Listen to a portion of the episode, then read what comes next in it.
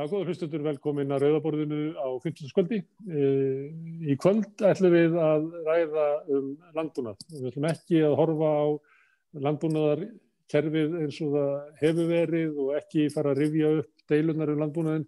Heldur ætlum við að horfa fram á veg og spurja hvernig landbúnaðarinn kunni að landbúnaðarinn kunni að þróast. Það er margt sem að hefur ítt undir þetta mikilvægi þess að, að taka þessu umræðu. Það er margt í kringum COVID og COVID-kreppuna sem að bendi til þess að, að, að það sé mikilvægt að auka einlenda framlistu. Það er að tala um að auka einlend störf og, og það kannski er auðvelt að ímynda sér að það geti verið tengt landbúnaði. Lofstafsmálinn íta undir það að við framleiðum matvælinn sem næst okkur, næst markanum. Uh, og svo hefur það líka komið fram að, að það er fyrirsávalegt að eitthvað af stóru alvörunum munir loka og þá losnar um miklu orgu og, og eitt af því svona fyrsta sem er nefnt sem lausna á því hvernig við getum nýtt orguna er að stór efla hér illrækt og, og, og gera átaki því að framlega meiri mat hér innanlands. Til þess að ræða þetta og svo að sjálfsögðu mat sem að þau sjálf leggja til eru hinga komin Sveit Margisson, hann er sveitastjóri í skútustæðarheppi og er fyrirvændi fórstjóri Matís Eiglo Björk Ólafsdóttir, hún er bóndi í Vallanesi og eigandi matvælafyrirtækisins Móður Jörðs og Otni Anna Björnsdóttir, frangatustjóri uh, samtaka smáframleðenda matvæla. Og bóndi er það ekki í, þú er bóndi líka? Í Berufjörðu, jú, hún er með bændur, smábúrskap. Já, ég vekk aðtegli á að hér er engin reykingur nema ég í, í settinu. Það er ekki ástum að það gerist. En herðu Sveit, má ég byrja að spyrja þig svona, uh, hvort þú getur slegið eitthvað tón í umræðina og ef ég myndi bara að spyrja þig, ef þú uh, myndi að spyrja okkur hvað við viljum fyrst, horfum kannski svona 20 ár fram með tíman, hvernig verður íslensku landbúnaður, hvað, hvað er nýtt þá, hvað af því sem er nú þegar myndi hérna, líka vera eftir 20 ár og hvað kannski af því sem við erum með í dag getur við reiknað með að, að hverfi. Já, uh, fyrst kannski bara takk fyrir að fá komið þáttinn, þetta, þetta er mjög áhugaverð umræða. Uh, ég held að mig allavega fullir það að landbúnaðar á Íslandi verði ekki eins eftir 20 ár eins og er í dag. Uh, landbúnaðarinn í dag líkist á margan hátt því sem hann var bara fyrir 20, 30, jafnvel 50 árum.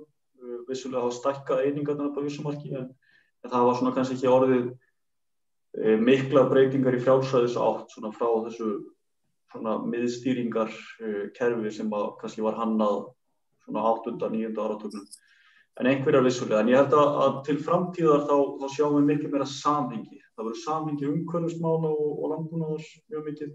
Það verður miklu meira samhengi sagt, neytenda og bænda eða sagt, matala framleiðenda og ég held að munum líta á bændur sem frumkvöðla en, en ekki einhvers konar, já ég held að sumir, þú nefndir nú reyninga hérna áðan sko, ég er ekki að segja að sé almennt við þó þar en, en ég fæ stundum á tilfinninguna að, að sumir líti á bændur sem styrk þegar sem að, að hérna, ég held að sé viðþóru og, og ég ekki rétt á sér en á sama tíma þá auðvitað þarf uh, að gefa bændum frelsi til þess að ná að grýpa tækifæri, tækifæri sem tengjast kólumisbindingu, tengjast í rauninni því að koma eiginu vörum á, á framfæri, svona marka sína sérstöðu Ég hef þá trú að, að það verði allt önnur sín á til að mynda beit eftir 20 ár heldur í dag. Við verðum búin að skilgjörna miklu afmarkaði svæði það sem að svona frjálsbeit uh, er, er megin svona stefið.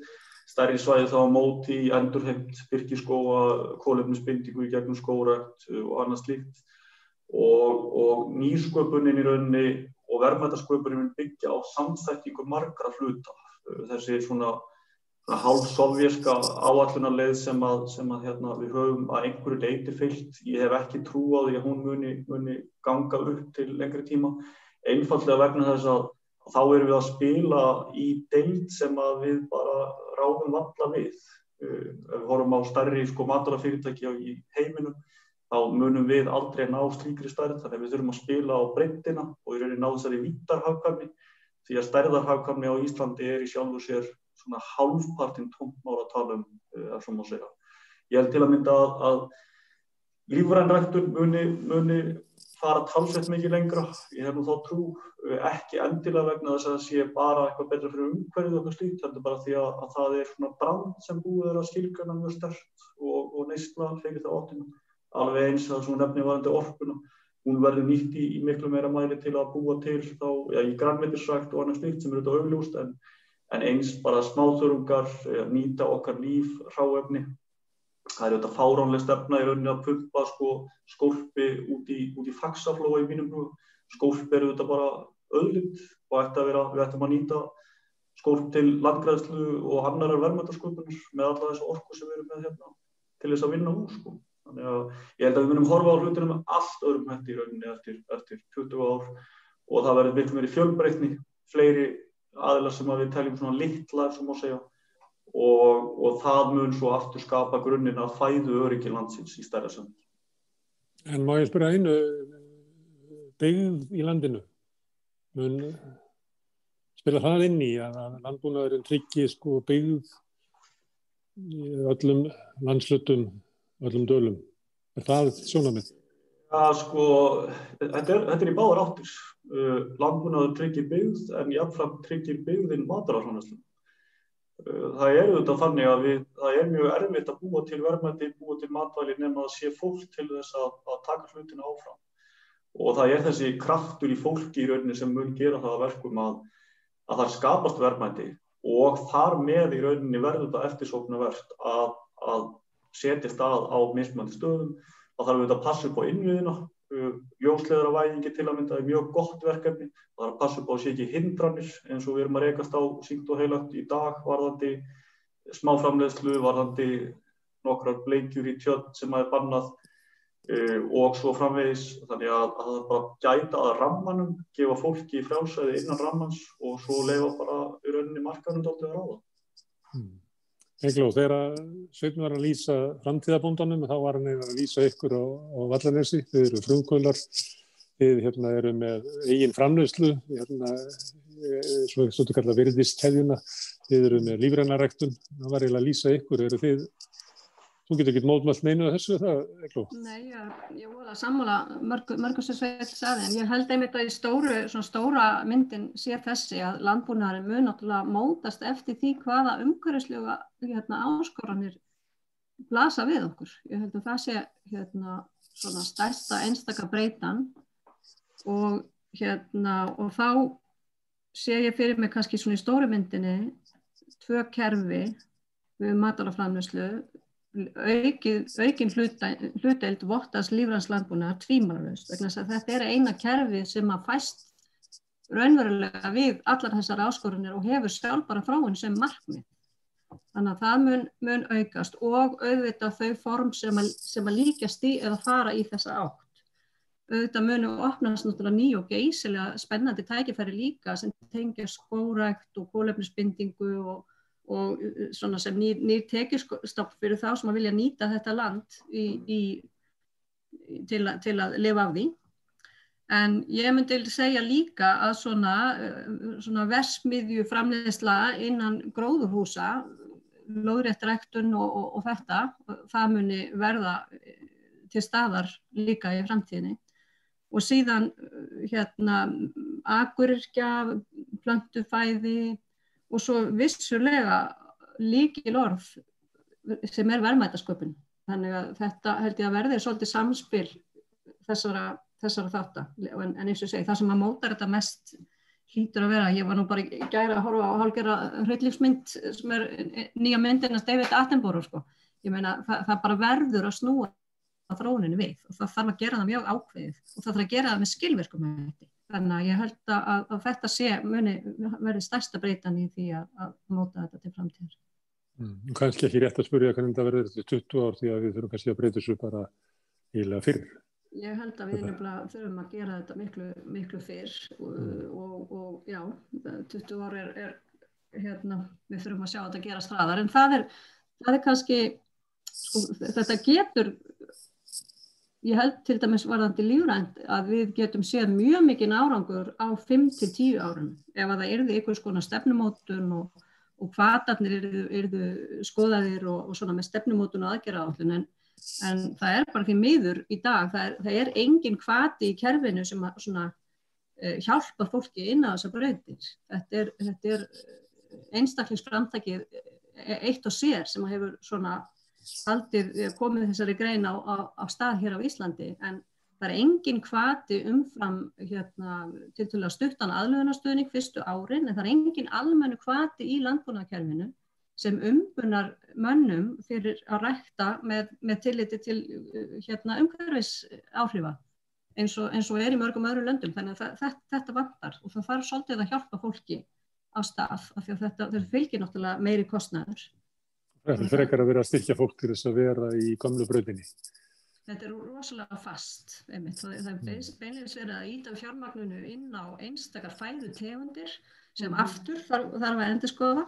Akuryrkja er svo gott sem óestabliseruð á Íslandi, hún, er, hún áser ekki um, talsmann eða það er engin, ekki nóg mikil áhersla þar en, en þetta er náttúrulega hérna, fæðutegundar framtíðarinnar. Mm. Sveit sagði áðan að, að fólk á höfuborgarsöðinu liti oft á bendur sem styrkvega. Þið, hafið þið verið mikil styrkvegar í Vallanessi? Nei, það, sko, styrkirni sem við fáum það út á svona stöku kannski nýsköpunarverkefni þá sækjum við um styrki eins og, eins og aðrir og eina svona sem við getum kannski reikna með á hverju ári að það eru svo kallega jarðræktastyrkir en það er aftur svona einhver króna, krónutala, ég held að þessi 10-15 skall á hektara sem að hver og einn getur, getur sókt um bara fyrir það að rækta tún eða, eða korn eða, eða eitthvað slíkt.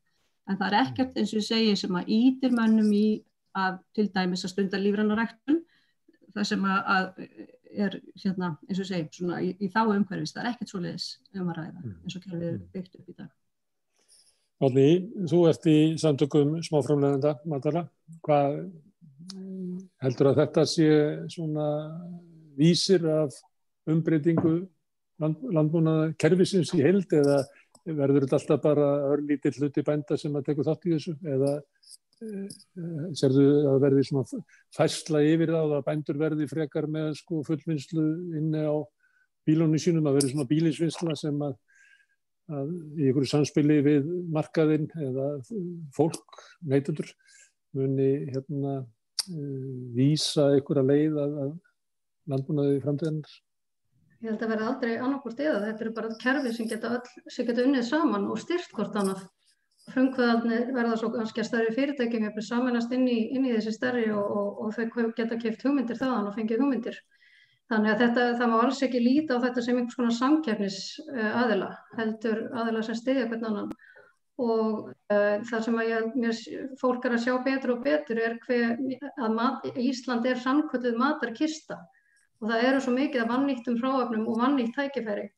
Og ég finn það bara að það er svo mikil gróska og það er svo mikil áhugi fyrir nýsköpun og að nýta þau hráöfni bæði sem að hefðbundin og óhefðbundin sem að falla til. Og með allum okkar jarðhitta og, og rammagni og þá höfum við svo mörg vannýtt tækifæri. Og það er bara svo gaman að sjá alla þessa frumkvöla ringin í kringu landi, þetta eru bæði bændur en þetta er ekki síður bara smá framleiðendur matvelar sem að kaupa ráefni annar staða frá, frá bændum og vinna úr því bæði innflutt og, og innlend. Þannig að ég sé segi það Hampurinn eins og, eins og uh, þú kannski þekkir þá er það eitt, uh, það er sagt, jört sem við höfum mikið talað um að, að við ættum að skoða betur og, og, og rekta hér og gefa okkur tækifæri til að verða sjálfbærir um fráefni í þinnað. Uh, mjög umhverfisvæn jört sem er hægt að vinna nánast óhandala marga hluti úr og nú er að myndast, þetta er bara eitt dæmi um nýsköpun, nú eru uh, týr einstaklingar sem er að rekta hampringin kringu landi, svona tilhörna rektun og einstaklingar byrjaður að, að vinna úr, úr hampinum ymsar uh, vörur. Þetta, þetta er bara eitt dæmi af, af mörgum sem að, uh, við höfum hérna fyrir framann okkur og þessi tenging á milli neytenda og framleiðandans, hún er, er að aukast. Það er auðveldar að kaupa beint af bíli eða beint frá framleganda með, eh, með þessu, sérstaklega með samfélagsmiðlum, það er miklu auðveldara fyrir litla einstaklingi dag að nálgast sinn húnahóp og e, talandi um e, flutning úr borg í sveit eða og tilbaka þá og mér sagt árið 2016 og 17 þá er fyrsta sinn síðan 1906 sem að ströymur snýrist við og fleiri sem flytt úr þjættbíli í dreifbíli heldur en öfugt. Þannig að þetta er bæði fólk uh, sem hefur búið á landsbyðinni uh, sem er að núna að uh, sagt, fara í nýsköpun, en þetta er líka fólk sem er að flytja út á land til að vinna einsum nýsköpunarverkefnum og það sem gerir fólki kleift líka að gera það er þessi tækni. Nú hef ég til dæmis ekki komið í bæin í átta mánuði, það hindrar mig ekki nokkuð skapan hluti í einu verkefni sem ég er að vinna, ekki nokkuð hátt hef, hef sjaldan haldið jafn marga fundið með jafn mörgu fólki og rætt jafn mörg mál. Það skiptir engum málu hvað maður er staðsettur í dag og þess vegna getur fólk líka tekið með sér störf svona, og, og unnið samfélag því að, að eh, nýskopuna verkefnum og, og veru þróun meðfram. Það eru flestir smáframleðið í dag sem er að gera það sem, sem aukastar sem ég. Mm. Það er svona teknin rýfur einangrunna sem kannski Já. var í dreifðari byggðum áður og þegar Já. hún er farin að þá kannski e, upplifir fólk þá kostina við að lifa í, í smarrið samfélagum og dreifðari byggðum og út í náttúrunni. Fólk er að sjá og margir er orðnir svolítið þreyttir kannski á hraðanum í, í borginni eins og við bílaumfyrðinni og mengunni og, og tímanu sem tók að að fara með til staða. Og við getum gert nákvæmlega sem við gerum þar hér en verið í heiðan og ró. Hann er bólstaf og bjó þannig að, að maður getur haft, haft bæði og þannig að ég landsbyðinu býður upp á gríðalega mörg tækifæri og, og það eru miklu miklu færri hendranir við að búa út á landi heldur en ég held áður. Það er, það er ekkert sem er skortur. Er þú bænum eða? Talar, Já, ég fættu upp aðlið þar Já. Og ég skrifaði um bólta Já, ekki svolítið Málið er bara það að, að sko, við erum að horfa í sjálfu sér á sko, 20. öldina sem einhvers konar centraliseringar öll og, og mjög marga framfarir við okkur fjölga gríðarlega en það er algjörlega ósjálfbær þró. Þannig að í rauninni ef við horfum á Ísland í þessu sammingi þá er þjættbílismyndunin, hún byggir þetta á því að það er innflutningshöfnin sem er að styrkjast. Við erum að, að fara úr því að búa hlutina til sjálf í það að flytja þá inn fá svo gældir í gegnum sölu og ódýru rafmagni og einhverju svoleiðis. Í dag þá erum við svolítið að, að í rauninni horfast í auðvögu afleðingar þessa. Hvar eru smitt í íslensku samfélagi í dag? Það er þjættbyrjun. Það er nákvæmlega eins í öðrum löndum. Þetta er ekki sér íslensk þróun. Og í rauninni höfum við vaksið svolítið eins og risaðlunar á kostnað áhættu þetta hefur kostið okkur rosa miklu áhættu í svona stór samfélagslegu samhengi. Umhverfismálinn spila þetta sterklegin, hvaðan í rauninni kemur mengun. Við vitum það alveg. Þetta er stór yðnaður, stór borgir, öll þessi þjöppun, dreifingin, e, að taka í rauninni orku af einum stað, flytja yfir á annan, taka hráefni af einum stað, flytja yfir á annan, öll þessi stór skala, svona economy of scale hugsun sem var mjög, má segja, góð í svona hernaðar átökum sko 20. aldar þegar við vorum að sapna herjum og voru risaveldi og annað slíkt. Þetta er bara ekki raunin í dag. Þannig að það verður að fara að hugsa þessar hluti. Þetta er ekki spurning um það hvort við eigum að halda öllum dögum í byggðin sem þú spurðir á það. Þetta er spurning um það hvort við höfum efni á því að nýta ekki öðlindinnar sem eru víða um land í fólki og í öðrum öðlindum. Þetta er umræða sem að svo sem Eh, er víða núna, það er hérna, skilvirkni, ára, alltaf var hort á skilvirkni hluta en, en núna er fólk kannski horfað frekkur á sko seglu, að þessi kerfi sem að getur farið í gegnum eh, erfiða tínu, nefnir til dæmis svona pláur, en það er líka bara alls konar umrót og slikt og þá skiptir kannski máli að byggðina víða og, og fleiri að leita af einhverjum lausnum víða. Þetta er, er, er sjónami sem að eila bara til yfir okkur tíma. En Odni, hérna, að því að þú hérna, ert í þessu hlutverki að vera í samtöku smáframleganda og ímyndum okkur að sé ykkur að hlusta núna sem að svona áttast ekki á því uh, hvað það er, hérna, þekki kannski eitt bónda sem er að selja ykkur að vöru. Getur nefnt svona ykkur að dæmi fleirin uh, hampin um það, hérna, hvað svona sprótar þetta eru? Félagsmenn í samtökunum? Já, en eða, svo, hvað er verið að búa til? Hvað Þetta er bara allt á melli hímins og jarðar. Það gemur smá hugmynd. Og já, eh, við erum hugsuð hugsu sem reglifa samtök, smáframlega matvæla um landað, hvort sem er á lögbíli, í bæ eða borg, það er landsbyggð, hvað sem er vinnur eigin hráfni eða annara hráfni. Þetta er fólk sem er að framlega þetta kjötvörur, fiskaförður, mjölkurvörur, uh, ís, uh, jógurt, skýr, sinneb, súrkál, súkulaði, þetta er úr þara, fæðibótarefni, þetta er, þetta er mjög, þetta er nánast hvað sem manni dettur í hug, sko, að brauð, keggs, þetta, þetta er, þetta er öll flóram og þetta eru framlegendur sem eru sem eru með eigin eh, verslun og selja gegnum bara engungu frá sjálfum sér, uh, selja um, í, í, í verslanir sem er í, í stórverslunum, aðrir í minni verslunum eða, eða bæði. Og það eru sífælt að fjölga tækifærum fyrir þessar smáframlegendur, það er svo mikil vakning og áhuga á þessum svona, eins og ég segi oft, úr mei vörum, sérstöku vörum sem er aðeins öðruvísi, þannig að það er að sprettu verslanir eins og gott að blessað í hefnafyrði, nándin, síðan við erum í samstarfi krónuna sem, um, um að um, hafa svona sérstatt svæði fyrir veru smáframlegenda sem er kallað matarbúrið, norskæti frá íslenskum smáframlegendum mm. uh, og, og það er einmitt eitt af hluturku samtakana er að, er að stiðja félagsminni að koma sínum vörum á, á framfæri og til, til kúnans. Mm. En eru bændur þá að fá herra verð fyrir vöruna sína eins og, eins og kannski söðfjörðbændunir í Rockeford sem að fá líklega mest út úr mjölkulítranum sínum af öllum söðfjörðbændum í heiminum eða er þeir að taka inn, inn á bílinn þá vinnu sem að vanarlega fór fram í, í sláturúsum og kjötfyrslum og taka á sig bara þá vinnu sem að hvort sem er að runnin. Er, er, er, er menna náði að búa til virðisauka í kringum brand eða gæði? Já, fólk er að í staðis að senda frá sér um, leggja allt inn, þá er það að taka hluta heim og vinna verðmættari afurð úr því og geta margfaldað það virði sem þeir fá úr, úr sínum afurðum, bara margfaldað. Þú veist, því meira sem þú vinnur það, því herra verður ferði fyrir það, þú veist, grafið og reykt og, og svo framvegis. Ærfíleg til dæmis, sko, far ekkert fyrir Eh, sagt, nokkra vetra ær ef þú sleggur inn í sláturhúsinu eða þú vinnur, eh, sagt, grefur selur grafið ærfíli þá fæði meira fyrir eitt fíli heldur en alla, alla ána.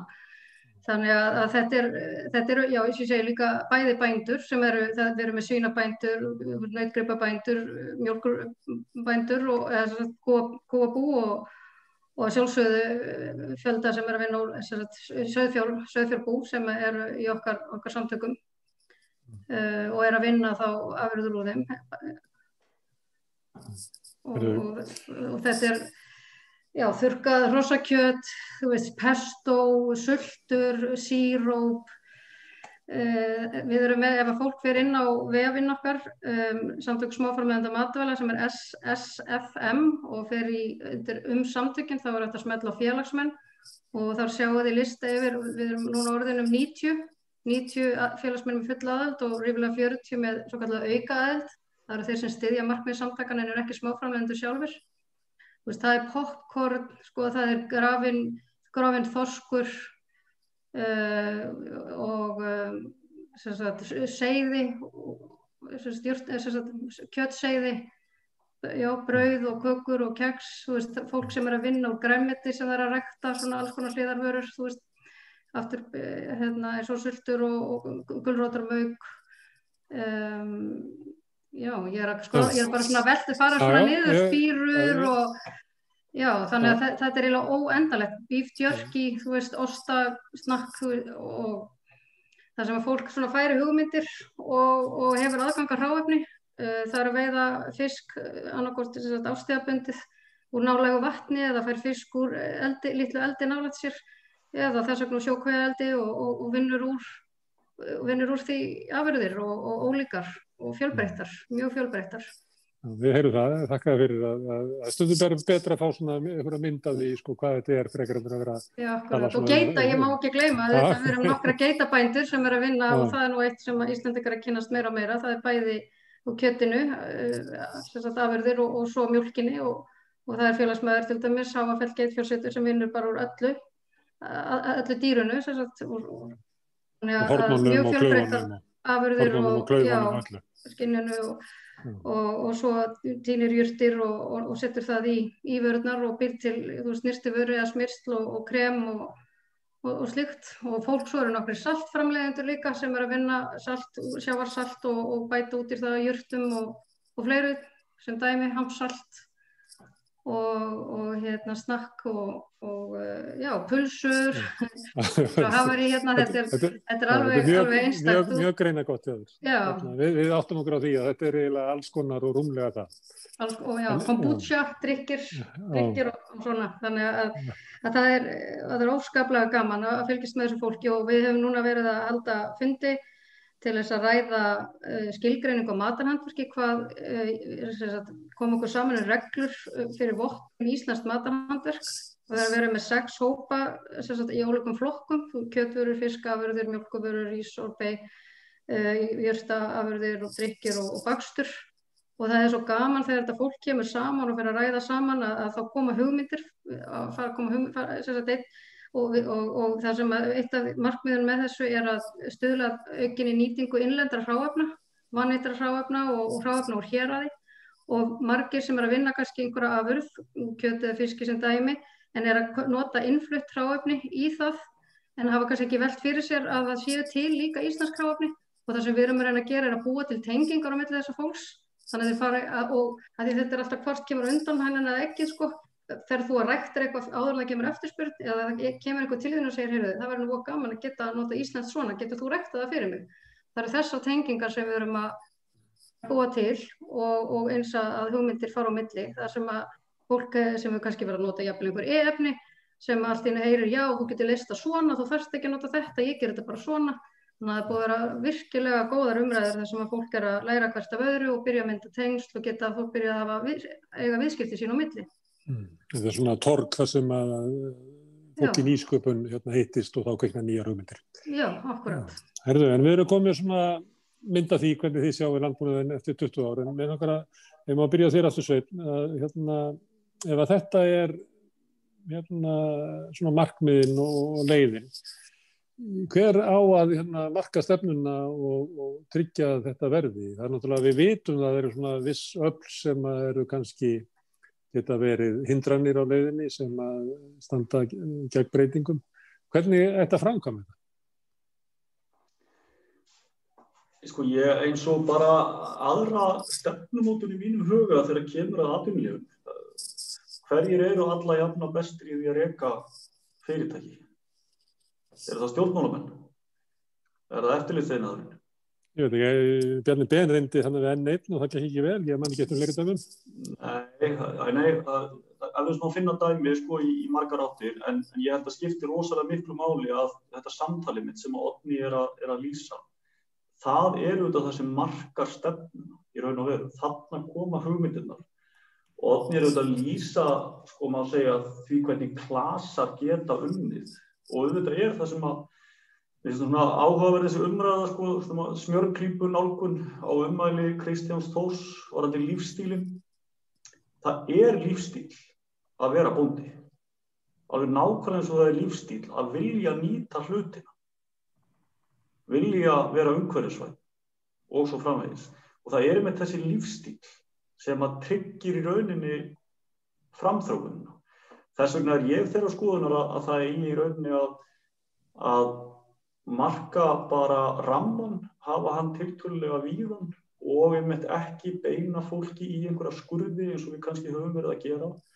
Og síðan þegar því er náð þá á bara að, tryggja eðlilega samkeppni, það eru þetta samkeppnis eftirlitsins að tryggja eins og í öðrum atvinnugrein og leifa framleiðendum frumkvöðlunum í landbúnaði að vinna, tengja sig við markaðin og eftirlitið á ekki að vera kannski í þessu ég veit ekki eins og hvað ég á að kalla þetta sko, hvar, hvar eftirlits ef við, við tökum bara til að með kærun á hendur mér.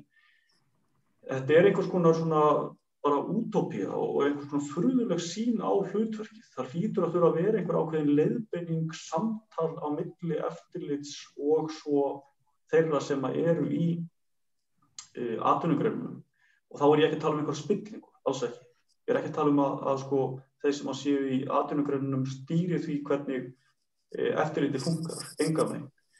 Heldur að, að menn átti sig á því eigi samtali, eins og átni nefndi á það, er hægt að skipta einu efni út, segjum rótvartanefni, fyrir eitthvað annað sem að er, jáfnveil hefur minni umhverfis áhrif, uh, betri áhrif á heilsun og svo framvegis. Þetta samtal þarf að eiga sér stað.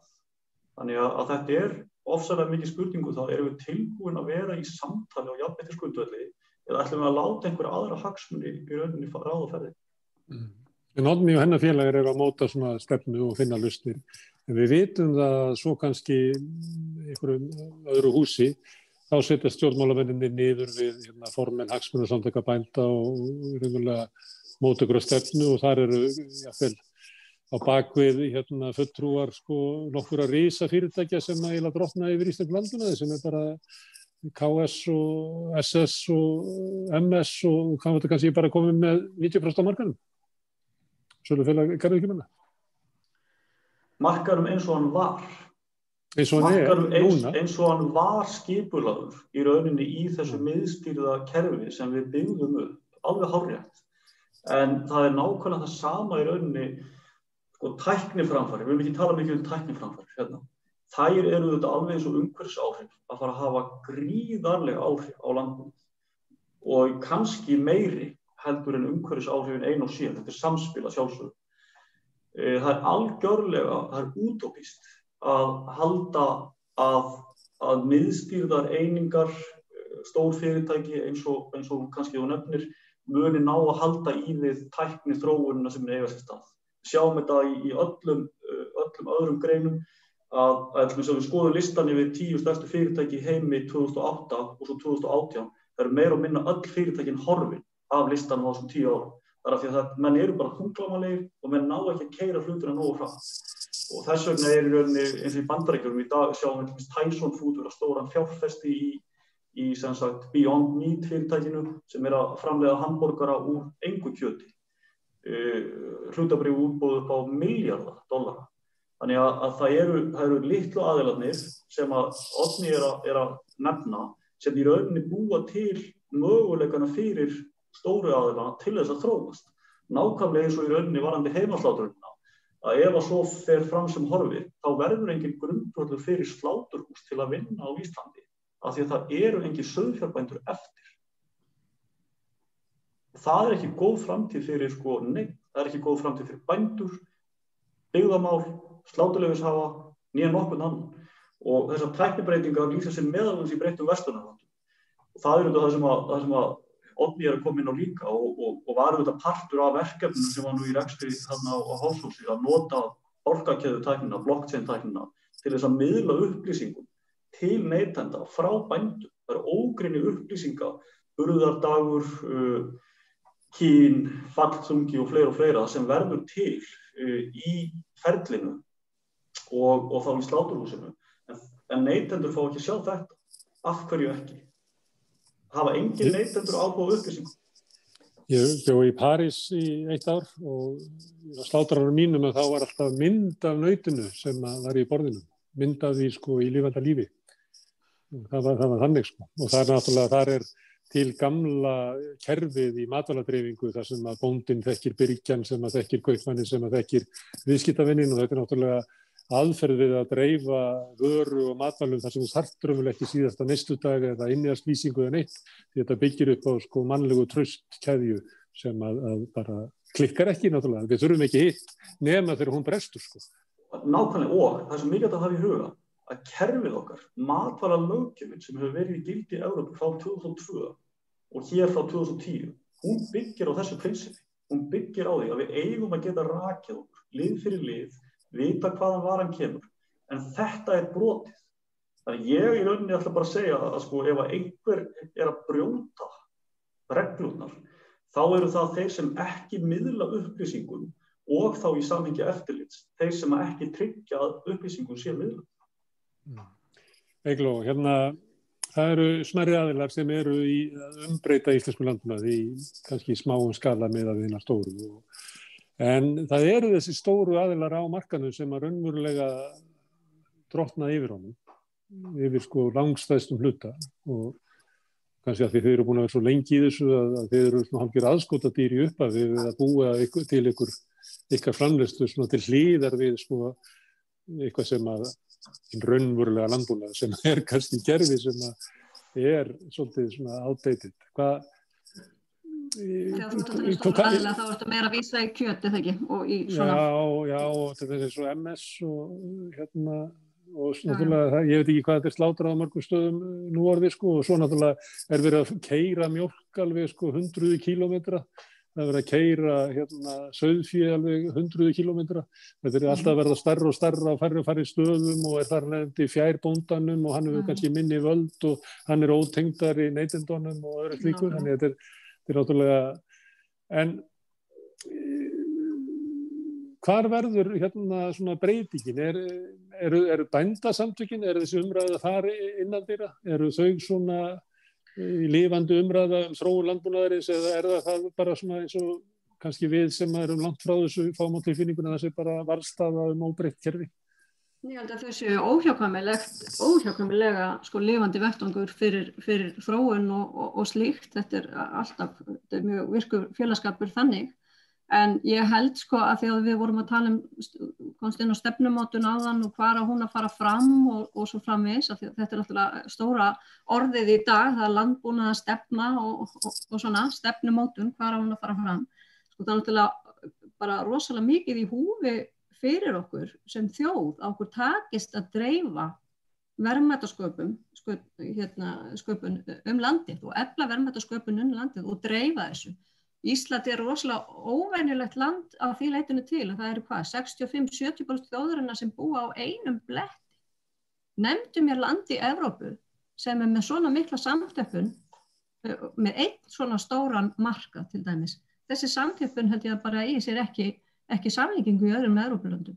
Þannig að við erum svo háð öllu, öllu þessu markasvæði og eigum ekki heimamarka.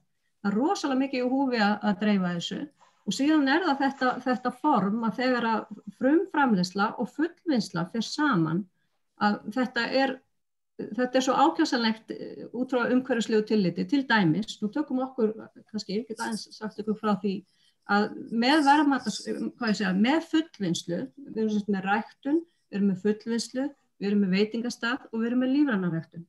Það er ekkert sem fer til spillis afskurður uh, framlegslan fer fram á, á ræktunar stað, allt fráefni nýtist, ljótagræmiti fer í veitingastæðin, afskurðurinn fer í sapnauðin og aftur í rækturina, þannig að einn fluttningsleið sem er algjörlega skorin út, þetta er, þetta er svo holt mótel, þannig að ég held að þetta, á, þetta samspil á eftir að aukast og það er mjög mikið í húfi fyrir okkur að, að, að þetta takist En af því að Ísland er svona skringilega vaksið á þessu leiti, þá þarf rosalegt átak að breyta þessu.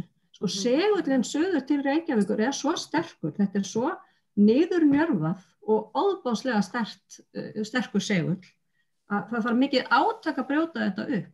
Og það gerist, eh, sko, akkurat, hverjir, hverjir fara með stefnumótuna, mjög, þetta er mjög góði punktur sem að kom með, sko. Það er náttúrulega fólki sem að, sem að gera þetta og hvað, hvað þarf að gera? Það þarf að veita því frelsi.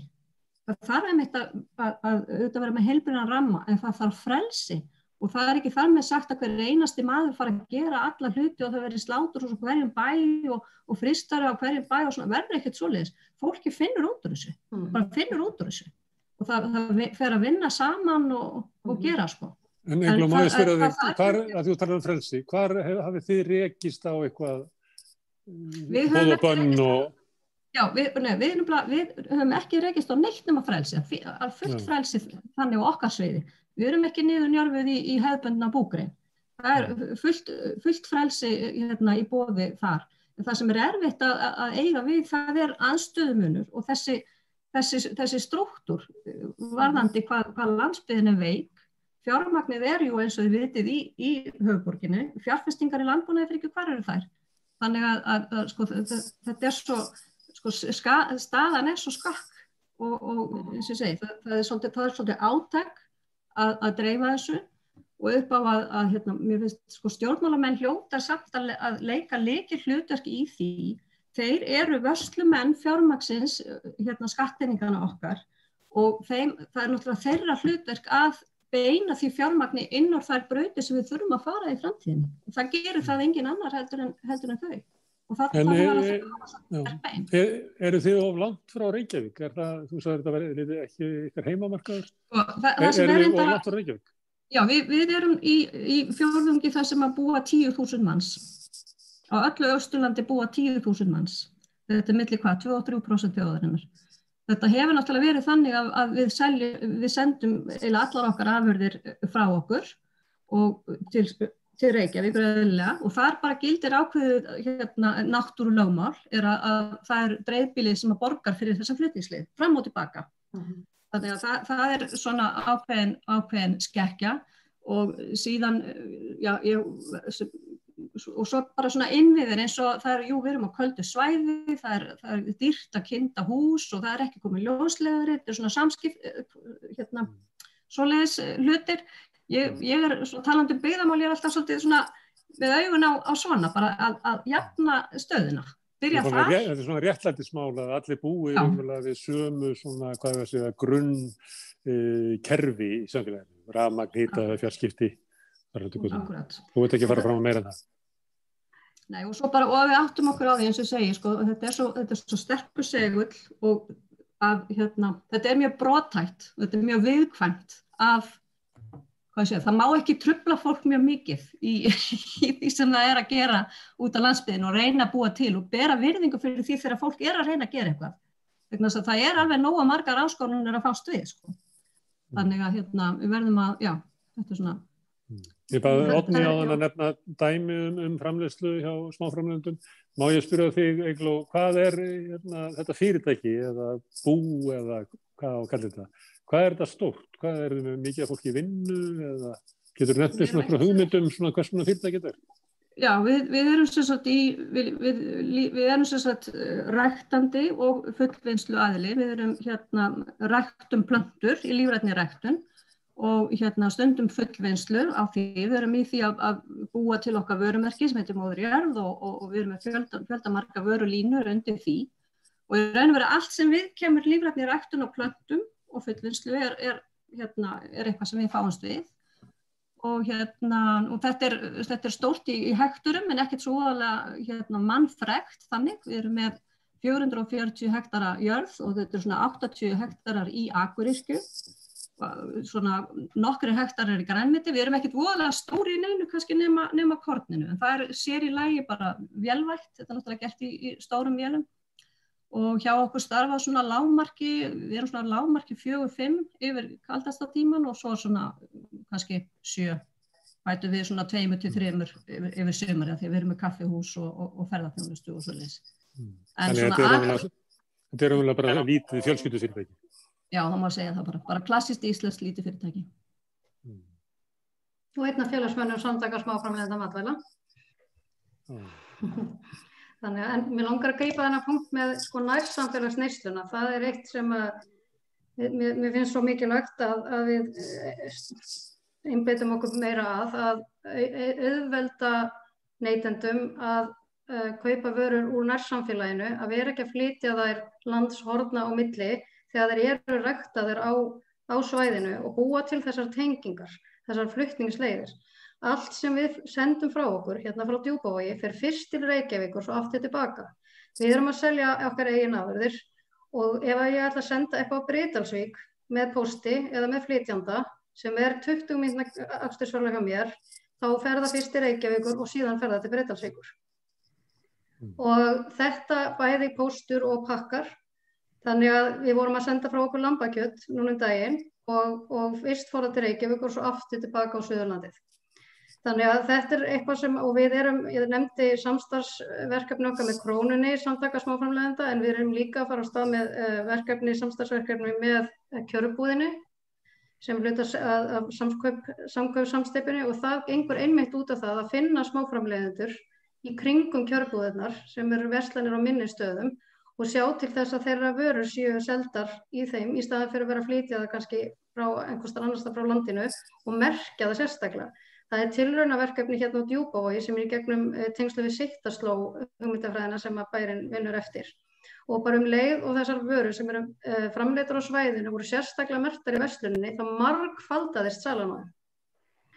Og svo er eitt sem er langast að koma að sem er mér miklu hjartalsmál að landbúnaðurinn þróast í. Og það er þetta frelsi að ef að ég á jörð eða get leikt mér jörð eða bí á jörð þá get ég hort á hvaða jarðgæði hefur hún, hvað verður gott að rekta að gera hér, fyrir mín mentun, reynsla og þekking og áhuga svið, hvað vil neytandin, hvert er samfélagið að þróast? Og þegar ég er búin að skoða þetta allt saman og reikna þetta saman, uh, hver langt er ég til dæmis frá markasvæðinu Reykjavík, þá ákveð ég, ok, þetta ætla ég að gera.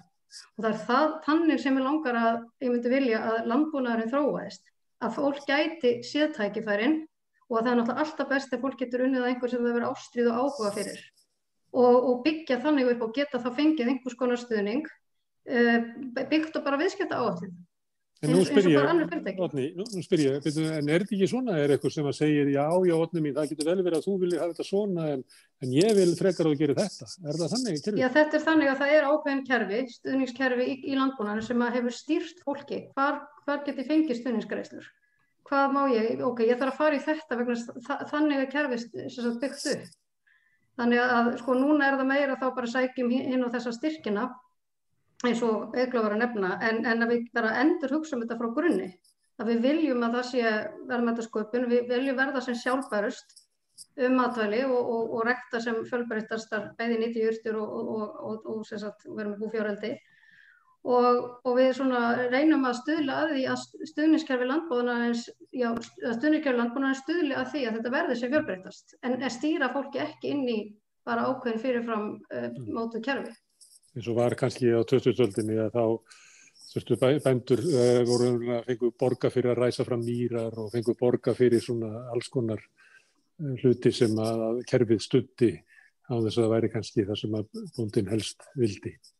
En mér langar að því að þú nefndir hérna matvæla dreifingun og söluna að uh, stórmarkaðurinn, hann náttúrulega er ekkert svo gamalt fyrirbriði á, á Íslandi og, og það er auðvitað hann sem umbreytir allri sko matvæla framlýslu af því að stórmarkaðurinn var mjög erfitt með að taka, þú nefndir þarna sagt, svæðisbundin mat eða mat sem er ástíðabundin, að stórmarkaðurinn er eiginlega smíðaður í kringum það að það sé alltaf sama varan á sama stað og, og, og stórmarkaðurinn er að berja niður hérna, verð og og þrýst á byrgjana sem að leiði til þess að þeir verða alltaf starri og starri og, og svo endan með því að flutningsleðina verði lengri þannig að, að sumileiti væri hægt að horfa á þróun matala framleyslu eh, svona setniluta 2000-aldar út frá að stórmarkaður reymulega kallar á tiltegna tegunda byrgjum og þurkar út allt sem er afstöðabundið og annað slíkt.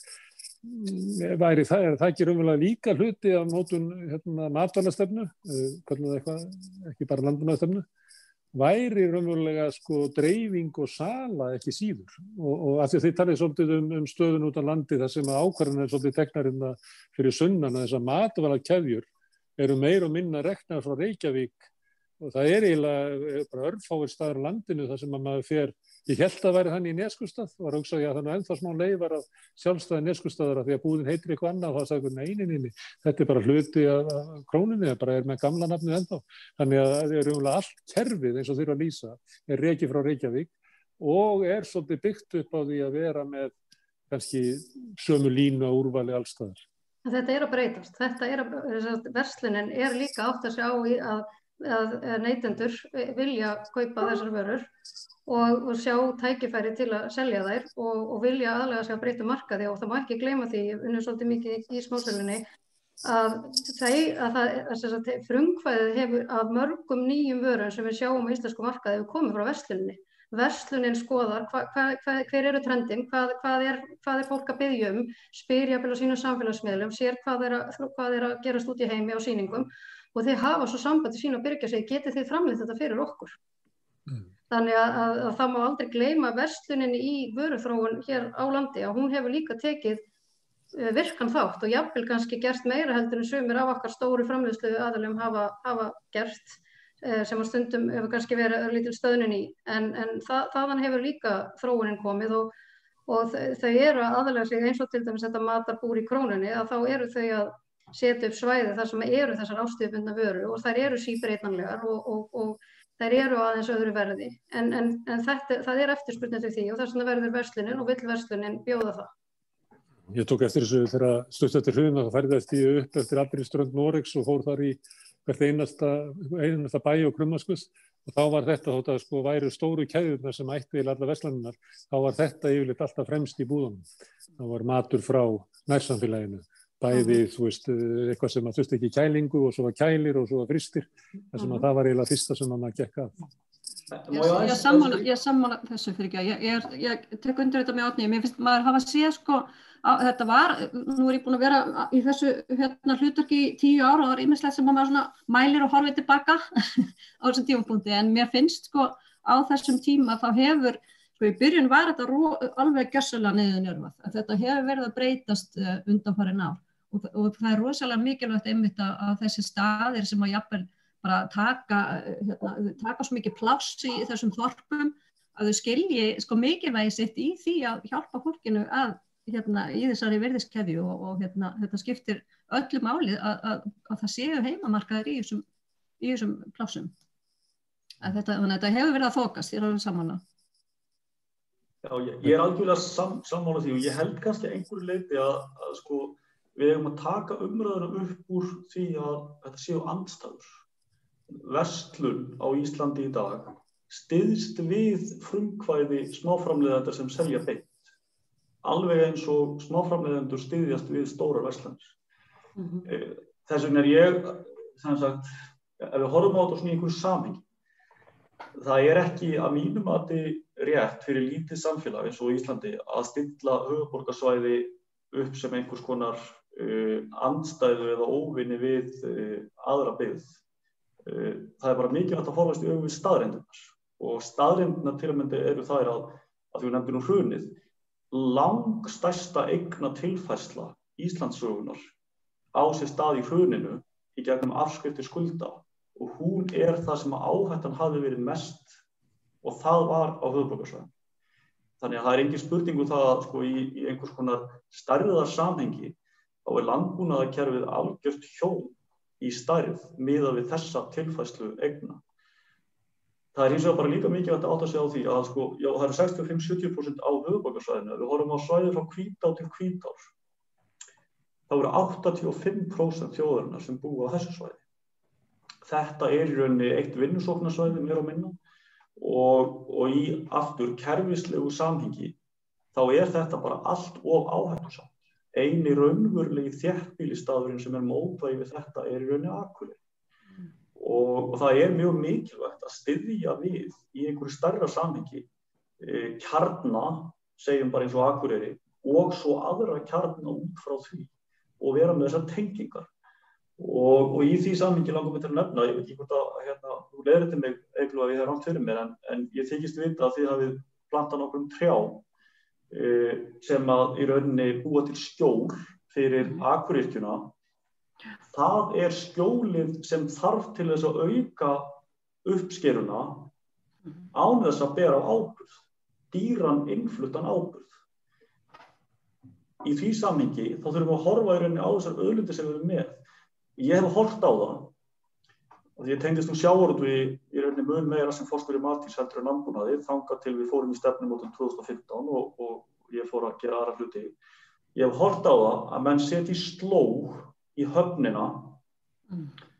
á tiltaknum stöðum við hlýðina á áburðin sem verðum að flytja til bænda. Vitið þið hvað er í slógi? Annað en áburðarefni. Þannig að þetta snýst ofsa mikið um það hvernig getum við komist út úr þessum skurðum og náð samhenginu unnið saman uh, kallar og konur landsbyð og höfuborgarsvæði, ungir sem, sem aldnir e, og hort á staðrendunar og ef við, ef við horfum til staðrendana, við búum til svona 180.000 tonna mat fyrir utan e, sjáurudög á Íslandi í dag. Af því eru 150.000 tonn mjölk og 30.000 tonn kjöt. E, Gram, er, já, svo er grammetið að ég man ekki törnum það, það eru tilturlega lágar. Til þess að búa þetta til, þá flytjum við inn rétt um 100.000 tonn af kjartfóri og 50.000 tonn af ábyrni. Þetta er ekki fæðuröryggi. Það getur vel verið að mig kalla kerfið okkar örugt í samhengi matfælaöryggis, food safety, en kerfið okkar er ekki fæðuröryggi. Er heldur hljómar ekki eins og landbúnaður, þetta hljómar eins og innframlista sem kaupir afurðir öðrum, setur það inn í annan endan og kemur svo með hérna, unnarafurður út úr hinnendan. Landbúnaður ætti að vera það sem hann verður til einhvern veginn á jörðinni, upp úr voldinni, en það þarf ekki svona stórkostlegan hérna, kaup á, á, á, af, svona, frá byrgjum til þess að, er það ekki, er það ekki hugmyndum í landbúnaða, hann verði þessi rektun frekar heldur en að þú hérna, það, það ásýr út af staður kaupir ráefni og býr til afrið. Það ásýr staður rektun, uh, bæði á Íslandi, segjum í, í Akuryrkju sem þarf ábörð og það er ekki spurning um það, við búum á mörgum stöðum við það að það þarf bara verulega mikið næringarefna, nýtur, kaljum og fósfór. Uh, en þessi næringarefni, þau eru unnin í, í námum í Marokko sem er að klárast, uh, sérstaklega fósfór. Uh, þess vegna er það heldur ekki næring að fyrirgeðu fæður upp til stærra samhenginu að fara þessa leið. Að þessu sóðu, og við erum að hafa það í huga, að það eru öll landbúnaðar kerfi í heiminum, allavega sem ég veit um, sem njóta styrkja. Európa-sambandið er með stórt styrkja umhverju kringu landbúnað, bandaríkinn eru með stórt, gríðarlega stórt og hlaupandi bakka. Það var orðið í rauninni mikla tilfærslur á eignum, landareignum þar, gríðarlega stór fyrirtæki, sömu fyrirtæki eru að riðja regnskóa eða eru með sem sagt leppa að riðja regnskóa í Brasilíum og, og ég hef til dæmis gengið með þýskum hérna, þýskum kunningja mínum sem að þetta nú verð til. Betti mér á, á sagt, stöðuna í Þýskalandi, þar voru bændur sem fengur greitt fyrir að búa til korn sem var notað til e, orkuframlegslu en þeir fluttu svo kornið til að gefa beljónum eða kúnum inn frá Brasilíu. Það korn var vantilega ræktað á svæðum sem var nýbúið að riðja e, regnskói á.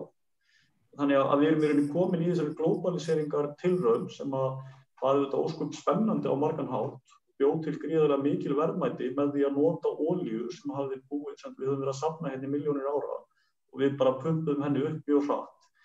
Byggum til stóra lífeyrissjóði og fleira sem er óskumt þægilt að hafa fyrir, fyrir þá kynslu sem mun njóta þeirra. En kerfið sem slíkt er bara alls, alls ekki sjálfbært. Við erum bara rétt að enda á einni sögu úr kerfið sem að einmitt fjall Uh, Sovjetríkin. Uh, það er í bókinni Originals eftir Adam Grant. Ég man ekki nákvæmlega hvaða efnaðsráð þegar hann er að lýsa í Sovjetríkinum sem er á einhverju ráðstöfnu í, í London og eftir smá tíma þá, þá sagt, erum bara, þetta er mjög áhugavert, allt gott sem við erum að ræða hérna, þetta var einhver þýða í samskiptunum en ég er að díla bara við mjög raunverulegt vandam. Ég vil fá að tala við þann sem stýrir dreifingu á brauði í London.